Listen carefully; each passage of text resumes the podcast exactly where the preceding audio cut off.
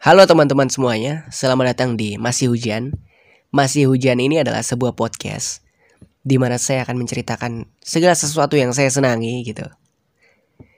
Baik itu musik ataupun cerita-cerita di sela kesibukan saya. Cailah kayak orang paling sibuk, Bos.